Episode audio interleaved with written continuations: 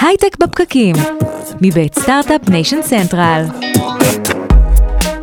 השעון שלנו מתקתק, אין לעולם הרבה זמן להגיע לאפס פליטות פחמן כדי למנוע השפעות הרסניות, אז בואו נדבר על אה, איך עושים את זה. שלום חברים, אנחנו כאן איתכם בהייטק בפקקים, אנחנו מדברים על יזמות, סטארט-אפים, טכנולוגיה ועתיד, ואנחנו משדרים לכם מהאולפן היפה שלנו ב Start-Up Nation Central, משדרים לכם בפייסבוק live בכלכליסט ואיצטדיון הסטארט-אפ ומקליטים בכל אפליקציות הפודקאסטים, אז אין לכם אה, תירוץ שלא אה, לשמוע אותנו, פשוט תקלידו הייטק בפקקים ואנחנו שם. תודה לשם טוב רותם על המצלמות, לינור גריסריו וטובה שמענו ועל ההפקה, אני אדר חי ואורי טולדנו נמצא כאן איתי. הדאגת אותנו הזמן שלנו אוזל ממש ברמה הזאתי. ממש ככה ואנחנו באמת נדבר על זה. אנחנו מדברים הרבה על אקלים. כן, אבל אה, יש, יש הרבה על מה לדבר. זהו, כי זה תחום נורא רחב, גם בתוכניות העבר ניסינו לעשות אה, סדר וחילקנו את זה לקטגוריה של אה, מזון וחקלאות ותחבורה ואנרגיה. היום אנחנו מדברים על מה שביניהם אפשר לומר. אפשר לומר, כן, אה, פליטות פחמן וחדשנות ואיך עושים את זה, אה, ונמצאת איתנו כאן אה, יעל וייס, ראש תחום אקלים טק ב-SNC. אהלן, יעל. שלום שלום. מה שלומך? נהדר הבוקר, אנחנו אחרי. מתאוששת. כן, אז היה לנו באמת את Climate Solution Festival אתמול, תזמון מצוין לתוכנית על אקלים. ובואי נדבר רגע על מה, מה קורה היום בעולם. אולי נתחיל עם איזה רקע קצת על, על המגמות שמביאות ל, לכל החדשנות הזאת. נראה לי שפתחתם אה, פתחתם נכון ולהגיד שזמננו יש איזושהי תחושה של אה, של urgency mm-hmm. שהיא מורגשת יותר ויותר וגם נראית לעין לאור סופות והצפות ושינויי אקלים שמשפיעים על שרשראות המזון. אה, ואפילו על שרשרות האספקה שלנו. זהו, אז שרשרות אספקה אמרתי מה שביניהם, התכוונתי ל... הרי הרבה מפליטות הפחמן הם באמת באותם מעברים בין, אה, בין אה, מקומות וגם ב, ב, של חומרי האריזה שלנו. כמה, עד כמה זה משמעותי התחום של שרשרות אספקה בהקשר של פליטות פחמן ומשבר האקלים? משמעותי ביותר, למעלה מ-80-85% מהפליטות נחשבות שכאלה שבאות, נובעות מהחומרים שנכנסים למוצרים שאנחנו רוכשים ואנחנו, המודעות הזאת, השקיפות אה, לגבי אה, מה, מה בעצם אה, כולל המוצר לאורך תהליך הייצור שלו זה משהו שמתחיל להיות הרבה יותר משמעותי גם ברמת הרגולציה. ויש לזה השפעות על, על כל אה, חברה, על כל אה, עסק, למעשה עסק יצרני במיוחד. אה, ובמיוחד כאלה שרוצים לעבוד עם שווקים מתקדמים שאכן מקפידים על הדברים האלה. ואיך בעצם מתמודדים עם זה איך מתמודדים עם ההשפעה העקיפה של חברות שהן בעצם בסוף זה לא הן מייצרות את הפליטות מה שנקרא סקופ 1 ו2 אלא, אלא דברים עקיפים שבעצם גורמים לא, לאותן פליטות איך מתמודדים. תראה, יש רגולציה ויש חדשנות, זה שני, שני הצדדים של, של המטבע. מה ש, אתם צריכים שילוב... לעשות ואיך עושים את זה. בדיוק, כן. בדיוק. אבל יש רקע הרבה יותר רחב לכל הסיפור הזה של, ה, של, של ספציפית שרשראות האספקה, וזה בעצם, זה סוגיה אחת סופר מרכזית במסגרת של של קונטקסט אה, של, אה, של אה, התעוררות של חדשנות סביב עולמות האקלים. Mm-hmm. בעצם ההבנה שרגולציה היא הבסיס אבל לבדה אנחנו לא נגיע למצב שבו אנחנו יכולים באמת להתמודד עם האתגר וגם תוך כדי גם להמשיך לצמוח כלכלית כחברה.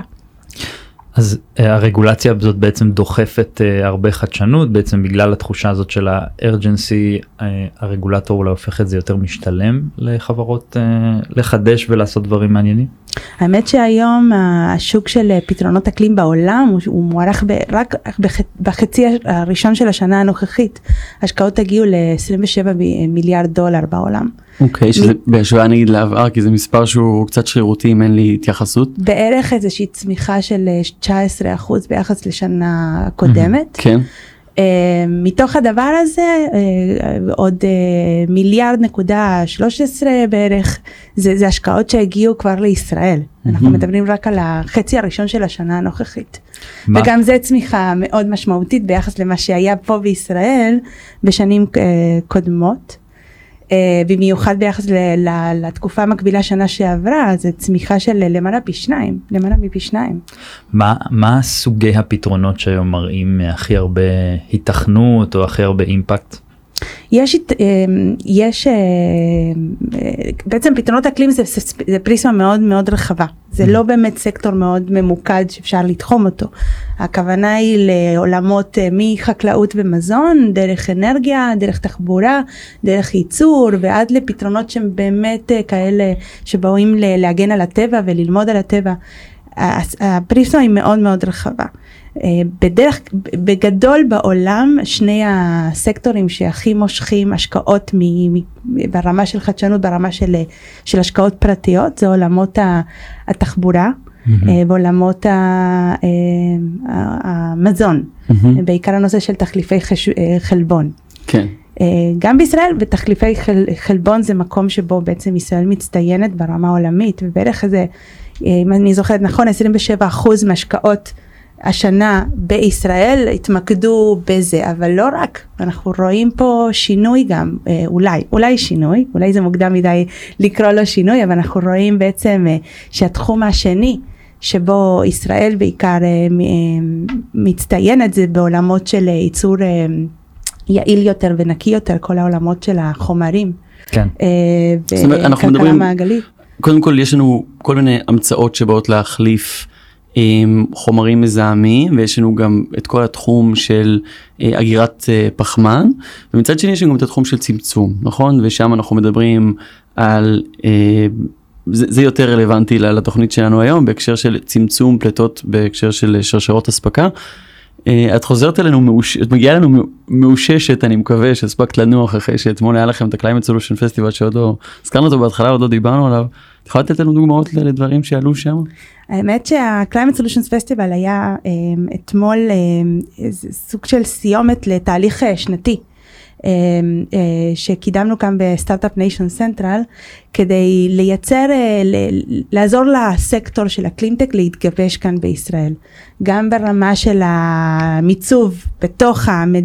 בתוכנו שאנחנו נדע שזה קיים שיש כאן למעלה מ-700 סטארט-אפים וחברות יותר בוגרות שיש להם פתרונות רלוונטיים לכל אתגרי האקלים אה, וגם כלפי העולם הרבה מאוד אה, עניין של positioning אה, האמת שאנחנו שמחים ומאושרים ביום שאחרי היה לנו כאן בכנס משלחות מלמעלה מ-12 מדינות.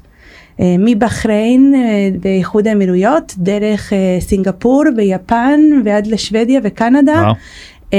ובאמת זה לא משהו שהוא מנותק מהעני, מה, מהעניין שיש בעולם למצוא פתרונות, הרעב לפתרונות. Mm-hmm.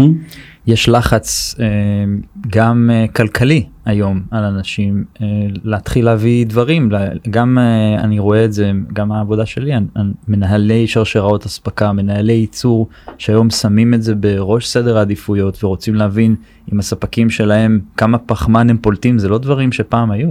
נכון.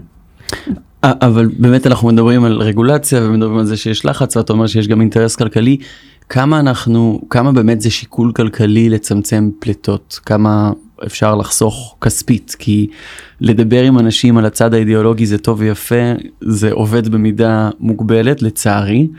אה, כשמגיעים למנהל רכש אומרים לו אוקיי אתה תחסוך 15 אה, אחוז 20 אחוז מההוצאות אם תעשה ככה וככה ועל הדרך תעשה טוב לעולם. קנסות קנסות. או קנסות מהצד השני בכלל אז זה אה, דרך הרבה יותר טובה באמת אה, שדרכה אפשר לראות איזשהו שינוי אז איפה אנחנו עומדים מהבחינה הזאת. יש בעולם שלנו מושג שקוראים לו פרמיה ירוקה בעצם כמה אתה מוכן לשלם עוד בשביל להשיג את האפקט הסביבתי אקלימי mm-hmm. וכל המשחק בחדשנות זה איך אה, להוריד ולצמצם את, ה, את הפרמיה הזאת. או אפילו שתהיה שלילית. נכון אפילו שתהיה שלילית וכמה מהתחומים מהתחומים סליחה היום היא נחשבת לכזאת שאיפסנו איפסנו את הפרמיה כמו בעולמות של, אה, של אנרגיה סולארית mm-hmm. היום. אה, אבל זה, זה שם המשחק. כן. כי ברגע שתגיע לשם אז אה, העולם באופן טבעי יזוז ל- לפתרונות ירוקים יותר. ו- ומלבד אנרגיה נגיד באמת סולארית, אה, איפה עוד אפשר לראות אה, פרמיה ירוקה שלילית או, או שהיא כזו שהיא, ש...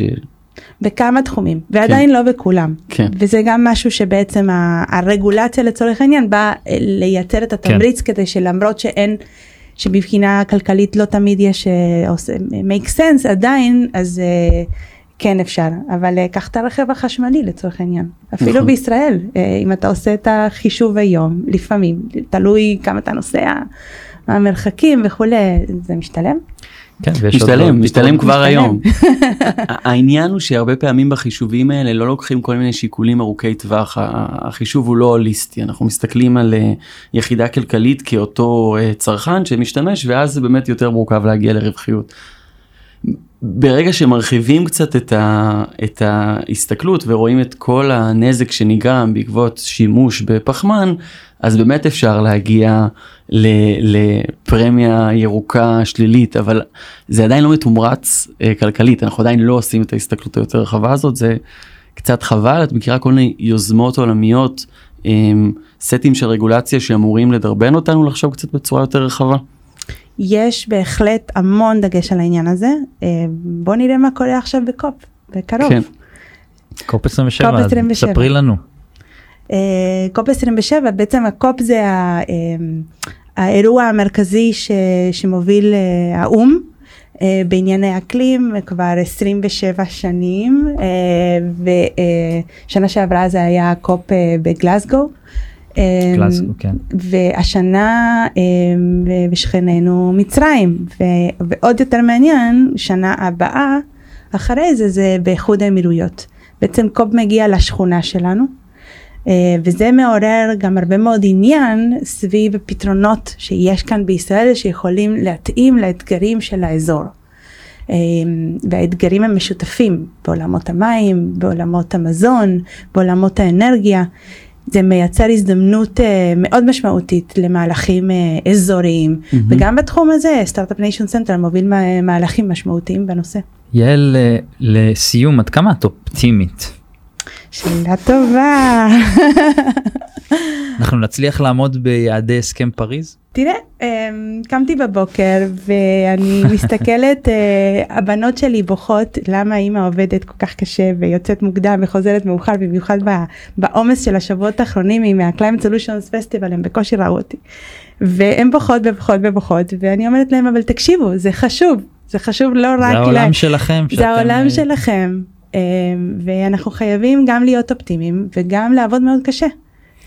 אה, אני כן אבל רגע רוצה אולי לשמוע על כמה דוגמאות מתוך אה, Climate Solution Festival יש לכם גם היה לכם גם שם זוכים בכל מיני פרסים. האמת שכן.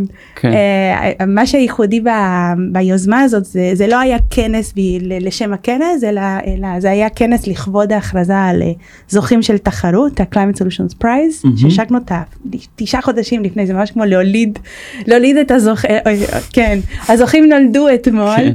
אמ, למעשה תחרות שבה אה, באנו אה, בשיתוף פעולה עם, אה, עם אה, תאגידים אה, מובילים בתחום מעולמות הפארמה עם מרק, בעולמות האנרגיה עם סולארץ', אה, מעולמות הטקסטיל עם קורנית, עם ESIL, קפיטל נייצ'ר שזה אחד הקרנות ההשקעה הוותיקות בתחום כאן בישראל, אה, וגם עם אה, קרן תמאסק מסינגפור, חברנו לתאגידים כדי לייצר איזושהי תחרות ש, שנועדה לענות על הצרכים שלהם. מהמם. אה, קיבלנו למעלה מ-250 הגשות מסטארט-אפים ויש עוד מסלול נוסף של אקדמיה, עוד שם כ-50-60 הגשות.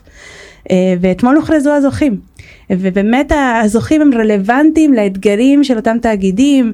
אה, יש לנו את Marine Edge שזכה במסלול של אה, קרן תמאסק, זה בעצם סטארט-אפ שמייצר התייעלות בשימוש בדלק ב- בשייט, ב- איך אומרים shipping. מהמם. אה, שזה אחת התעשיות המזהמות, מזהמות, כן. ברור, והכי קשות אה, גם לה- להעביר את הטרנספורמציה הזאת. יש לנו את Red Solar Power, שזה הזוכה של שלמעשה אה, סליחה רד סולר פלאואר, לא פאוור, שלמעשה מייצרים פאנלים סולאריים חדשים שמאפשרים דו שימוש עם חקלאות, יש פה משחק מאוד עדין של פאנלים סולאריים שבעצם אה, דורשים הרבה מאוד שטח ואפשרות לייצר אנרגיה תוך כדי שאתה גם אה, מייצר תנאים אופטימליים לחקלאות. זה משהו שהוא אה, נחשב אה, כ... כחוד החנית אה, בתחום, Copprint שהם הזוכים של המסלול ההשקעה של Capital Nature שמייצרים אה, אה, אפשרות להדפיס נחושת על מעגלים אלקטרוניים בצורה שהיא גם הרבה יותר eco-friendly mm-hmm. ועוד זוכים רבים אחרים, זמננו קצר לציין את כולם אבל היה לנו 25 finalistים על כל המסלולים.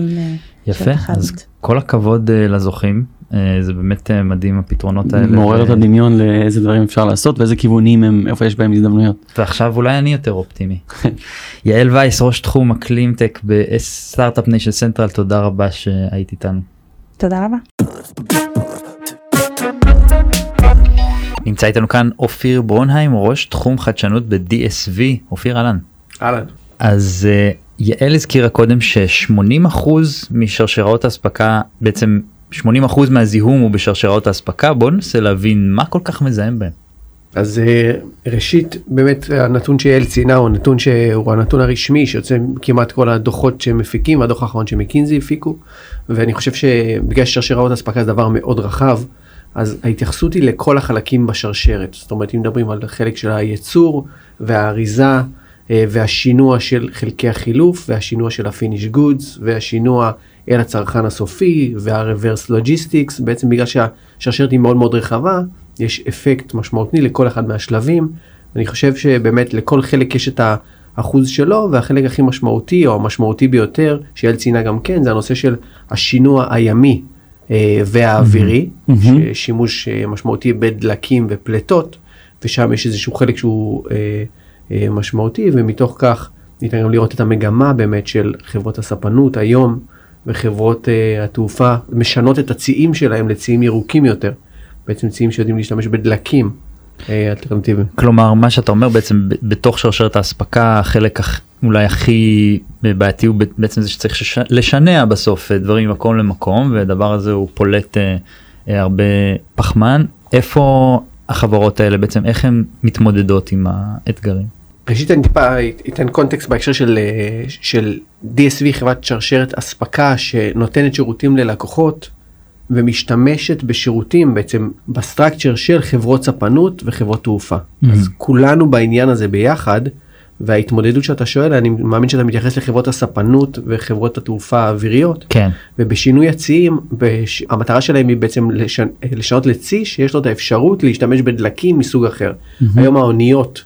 של MSC, MSC יצא באיזושהי הכרזה שמחליפה 48% מהצי שלה לצי שיכול להשתמש בעצם בגז נוזלי לשינוע האוניות, מה שהופך את כל הצי לירוק יותר, והזכרתם קודם לכן את נושא ה scope 3 שמדבר על היכולת שלנו, השימו, היכולת להפחית את הפליטות בשרשרת אספקה, לדוגמה של חברה יצרנית מסוימת, באמצעות השותפים שלה. אז רגע כן. שנייה, בוא נעשה סדר, מה זה אומר scope 1, scope 2, scope 3, ואיך אפשר לצמצם פליטות בכל אה, scope כזה?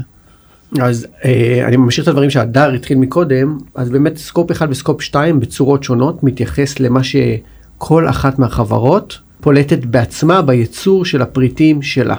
אה, בכל אחת מהדרכים יש פה איזשהו אה, העמקה וחידוד לגבי 1 ו-2 אבל בוא נתייחס לזה שהחלק הראשון 1 ו-2 מתייחסים לפליטות שלך בעצמך. כיצרן. כן. כיצרן. באופן ישיר או באופן עקיף אבל נכון. עקר. ו scope 3 מתייחס לנושא של השותפויות או הרכיבים אותם אתה מייצר או משנע באמצעות uh, צד ג' לשרשרת האספקה שלך. Mm-hmm. ובעצם החלק הזה זה החלק הכי קשה למדידה אנחנו כולנו מדברים כן. על איזשהו baseline מסוים שממנו אנחנו נתחיל לבדוק את עצמנו ואת השרשראות שלנו אה, אז באמת אם את 1 ו2 אתה יודע לבוא ולנטר ולבדוק וזה פעילות פעילות שהיא מורכבת אבל בסוף אתה מרכז את הדאטאות ומנתח אותה זה מה שאפשר לעשות בסקופ 3 אתה צריך לסמוך על השותפים שלך. נכון.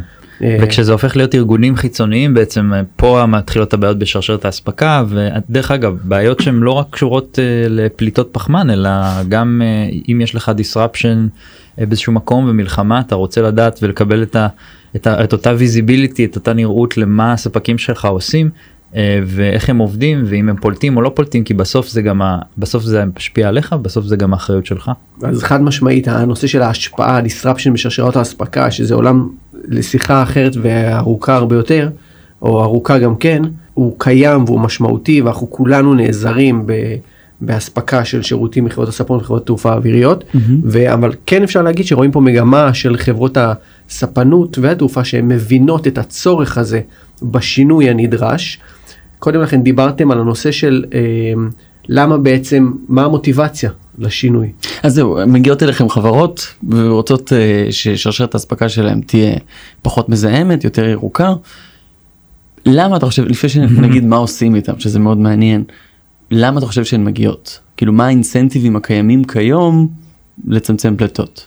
אז אני אתייחס לאינסנטיב אחד ספציפי שהוא בעצם איך אנחנו מודדים, קודם כל הסיבה לכך דיברנו מקודם על נושא של תרבותיות ואני חושב שהדר אתה הזכרת את הנושא של קנסות, כן, אבל אני בכלל מתייחס לנושא של התרבות העסקית שאליה אנחנו נכנסים בכל בארצות הברית באירופה במידל איסט או בכל יבשת אחרת זה משתנה ממקום למקום אבל בגדול היום כל שחקן אה, וכבר נדבר על מה הניע את זה ומה בעצם הסמן הימני לדבר הזה. נמדד על בסיס זה. הוא נמדד ויותר מזה היום חברת שרשרת אספקה כמו DSV או לקוח שלנו ירצה, ירצה להשתתף באיזשהו מכרז גלובלי משמעותי הוא לא יוכל להיכנס למכרז ללא ההוכחה שלו עצמו שהוא בעצם אה, מקפיד לפלוט כמה שפחות בעצם הוא אקטיבי בנושא הפחתת פליטות המזהמים. Mm-hmm. גם אם זה בשלב בשלב מסוים כי לא מצפים שעדיין כולם יהיו 100% בסדר אבל בואו נכריז כחברה על מה ה baseline שלנו ונכריז לאיפה אנחנו מתכוונים להגיע ונראה שאנחנו עושים צעדים אקטיביים לכיוון הזה. זאת אומרת זה, זה כדי להיות תחרותי אתה בעצם צריך את זה. ומה למה בעצם יש איזה שהם תנאים למכרזים שהם בתחומים של, של פליטות?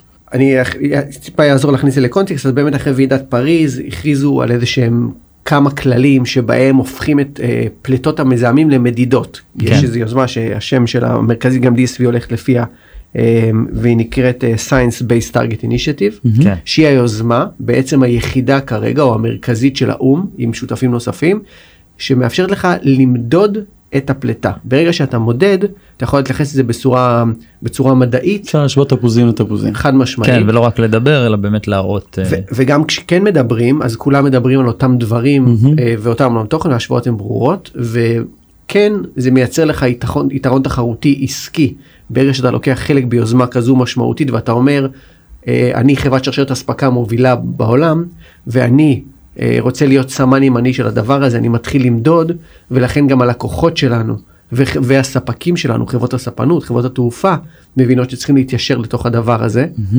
שאלת אורי לגבי um, הנושא של האם אתה יכול להשתתף במכרזים או לא יכול להשתתף, כן. אז באמת יש חלק מסוים, הוא משתנה ממכרז למכרז, כי יש חברות מובילות יותר, חברות טכנולוגיה מובילות יותר, שאומרות לך, אם אתה לא מצליח להסביר לנו 10%, 15% מתוך המכרז את החלק המאוד מובהק וברור של אה, הפחתת המזהמים, גם מה אתה עושה אינאוס וגם אתה תעשה עבורנו, אתה בכלל לא עובר את הרף של להיכנס ולהגיש את המכרז. כן. אז זה ממש כבר מורגש אה, וחשוב. איך מודדים את זה? מה, מה הפרמטרים שאומרים זה כן, זה לא טוב, זה כן טוב? אה, אז אני אגיד מה, מה, מה אנחנו כחברה עשינו פנימה, אה, זה גם בדברים מאוד מאוד קטנים כמו מעבר מניירת פיזית לבעצם שימוש אה, דיגיטלי. זה, זה אלו שינויים אה, מינוריים כן, אבל כן. צריך להתחיל כי בעצם השינוי הוא תרבותי, אנחנו, כן. זה, זה ברור שזה משהו שצריך לעשות אותו ועברנו לרכבים היברידיים ורכבים חשמליים איפה שאפשר ויש לנו בעצם ל-DSV יש תשתית מאוד מאוד גדולה של מחסנים 1,400 מחסנים בעולם, או משרדים או מחסנים, רוב, רובם הוא מחסנים, אז להפוך את המחסנים, את ה-warehouses לירוקים יותר, גם ברמת איך משתמשים בחשמל, מה מקורות הכוח של אותו מחסן, פאנלים סולאריים כמובן, שימוש חוזר בציודים, ציודים שהם ממוחזרים, יש חברה ישראלית שקוראים לה UBQ, שהיא בעצם uh, מייצרת uh, מפסולת, כל סוג של פסולת, חומר שהוא מקביל לפלסטיק שאיתו אפשר לייצר trays כאלה סוג של מגשים או פחים שאיתם מנסים גם לשלב לפעילות mm-hmm. וכן הלאה וכן הלאה זה דברים שאנחנו עושים. ובאמת כמו שציינתי בהתחלה שיתוף הפעולה, הפעולה עם הספקים שלנו חברות הספנות חברות התעופה אנחנו נסייע להם להיות ירוקים יותר. אה, אז דיברנו על דלק, שדלק, אז כמו איך, איך תסיימו? אז דלק זה דבר שהוא אה, קל, ואם אנחנו פה גם נדבר על טכנולוגיה קצת, אז אה, זה לא קל, סליחה, דלק זה דבר שהוא קל לראות וקל להבין למה זה מייצר אימפקט כן. שהוא ירוק, אבל אם דיברנו פה על טכנולוגיה מעט, אז אפשר לדבר על הנושא של פרדיקציה. שציינת בהתחלה בשרשרת האספקה זאת אומרת אם יש disruption ובתקופת הקורונה ולאחריה בגלל האדוות אנחנו רואים שקו ראוטינג מסוים היה צריך להיות 40 ימים ממערב אירופה למידל איסט ממערב ארצות הברית למידל איסט. אה, והוא הפך להיות 60 70 ו-80 ימים אז אם תהיה לנו את היכולת אה, לא להישען ולהתמך רק על ידי הנתונים של חברות הספנות מסופים נמלים אלא לתכלל את הכל באמצעות כל מיני טכנולוגיות שונות ולבוא ולהגיד זה הצפי שלנו להגעה אנחנו יכולים לתכנן את הכל בצורה טובה וירוקה יותר גם בהקשר של spare parts שאנחנו מחזיקים והשימוש ב spare parts כן. מונח של שרשרות אספקה דיברנו עליו גם בתוכניות עבר שלנו עלה בעיקר לכותרות בשנה האחרונה בעקבות עיכובים בשרשרות האספקה אותן אה, הרבה זה היה גם מחסור בשבבים, מחסור בשבבים אותן מלחמות, ספינות קוביד. שחיכו מחוץ לנמלים לא חסר להם שמח להם. כן. אה, יש איזושהי דרך גם, אה, אני מניח שברגע שאין לי פקק של 40 מכולות ענק שעומד לי מחוץ לאיזה נמל, אז אני גם חוסך אנרגיה. יש גם דרך לצמצם את זה? את ה... בעצם אופטימיזציה של כל התהליך הזה? אז ראשית חדשות breaking news זה הפ- הת- הפקקים הצטמצמו ירדו, משמעותית בכל העולם. כן. יש ממש רואים ירידה משמעותית בפקקים שזה אה, חדשות טובות מהמם. קודם כל כולנו נקבל את הדברים שלנו מהר יותר חברות יוכלו לחזור ולייצר בצורה אה, אה, שגרתית. והפלטה כמובן שהאונייה עומדת היא חייבת להפעיל איזה שהם אה, אני לא מומחה לתחום הזה אה, אבל האונייה שהיא עומדת גם מפעילה ופולטת איזשהו אה, אה, פליטה מסוימת שהיא שלילית אז זה נחסך מאיתנו. האם אפשר לפלוט, לפלוט פחות? אז אה, יעל ציינה מקודם אחת החברות שזכו בפרס אה, שאני לא זוכר את שמה אה, אבל היא עושה בעצם שילוב של מערכת היברידית חשמל וגז או אה, דלק מסוים ובכך חוסכת בשלב העמידה את הפלטה. ויש המון המון אה, חברות נוספות שנכנסות לתחום הזה ויסייעו בהקשר הזה. כמובן אה, אוניות שיהיו אוניות חשמליות באופן מלא. אה, וכל נושא החישוב בעצם של הפלטות לא דיברנו בכלל על נושא של כאחד מהכלים שהיינו תיאמו אצלנו להם מקודם זה הנושא של הדוחות. בסוף חברה אה, נכנסה לתוך עולם כל חברה יצרנית נכנסה לתוך עולם שאומרים לה תקשיבי את צריכה להתחיל למדוד את הפלטות שלך. עזוב שרוב האנשים בכלל לא יודעים מה מדובר וזה בסדר וזה השלב להתחיל לדעת על מה מדובר אבל יש שם דוחות גם שאנחנו כחברת שרשרת אספקה יודעים לספק ללקוחות שלנו וגם שניתן לצרוך במקומות שונים. מה יש בדוחות האלה? אז הדוח הזה בא בעצם וממפה לך את שרשרת האספקה. בהובלות היבשתיות שלך במחסנים הובלות ואומרות אוויריות, כמה אוויריות. פליטה יש בכל... כמה פליטה יש בכל חלק מהמם. אוקיי וגם אם אנחנו עוברים לשלב הבא ומה האלטרנטיבה שלך לשינוע באותו באותו אה, אה, אה, route מסוים זאת אומרת אם היית משתמש עד היום אגב כולנו כצרכנים אה, שאנחנו רוכשים כרטיס טיסה לטיסה פרטית אה, אנחנו יכולים לראות מה הפליטה של אותה חברת תעופה על אותו נתיב כן. ואתה יכול להחליט יש גם עולם תוכן של offsetting שאתה יכול בעצם אם תרצו להיכנס אליו טיפה אבל בגדול אתה יכול להבין מה הפליטה שלך ולהחליט האם אתה רוצה להשתמש בה או באלטר, באלטרנטיבה. ומקודם דיברתם על הנושא של עלויות.